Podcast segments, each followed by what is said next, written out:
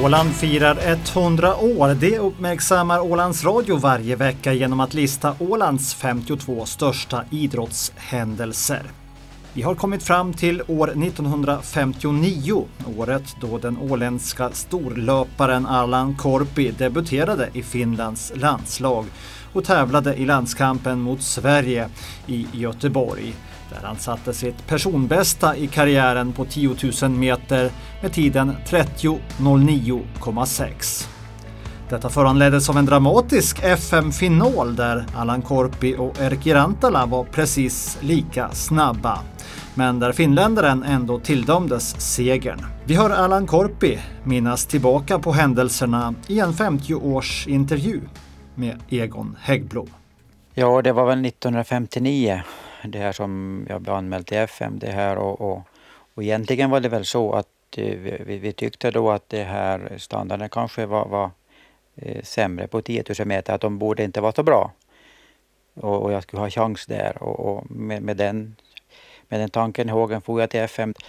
När det sen var en, en två var kvar så var, var det bara då Erker Rantala och jag kvar.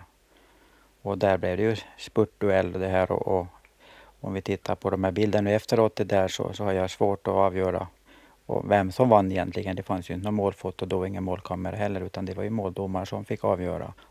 Och så var det viss terräng också? Jo, alltså silvermedaljer, jo. I terräng var det väl, det borde ha varit 61 på hösten i Åbo det här som finska mästerskapen gick det här på fem kilometer. Och det här då faktiskt kanske jag har, har borde vunnit det loppet. Men jag kände mig så stark i, där i slutskedet att jag, skulle, jag tyckte att jag borde vinna. Och då hade jag också det här då 1500 meter specialisten då Tanke Salonen med.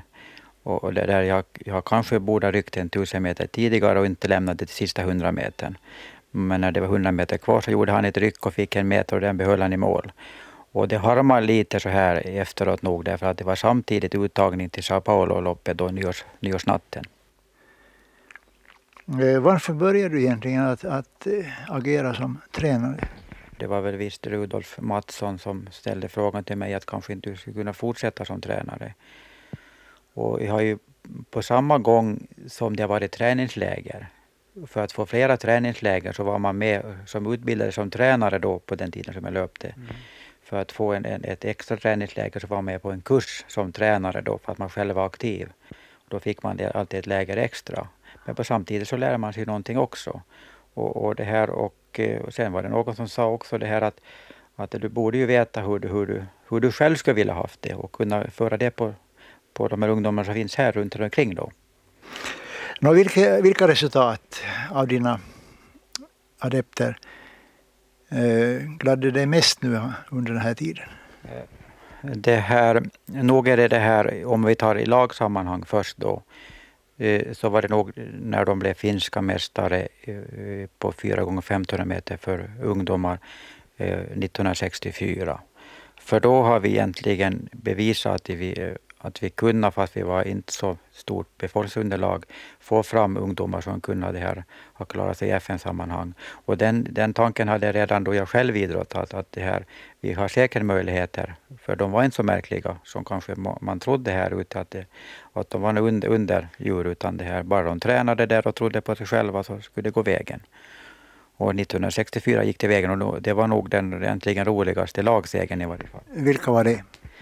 Det var Per-Erik Lindqvist, eh, Börje Jansén, Kenneth Andersson och Stig Orre. Och det sa Allan Korpi här i en intervju med Egon Häggblom från 1985.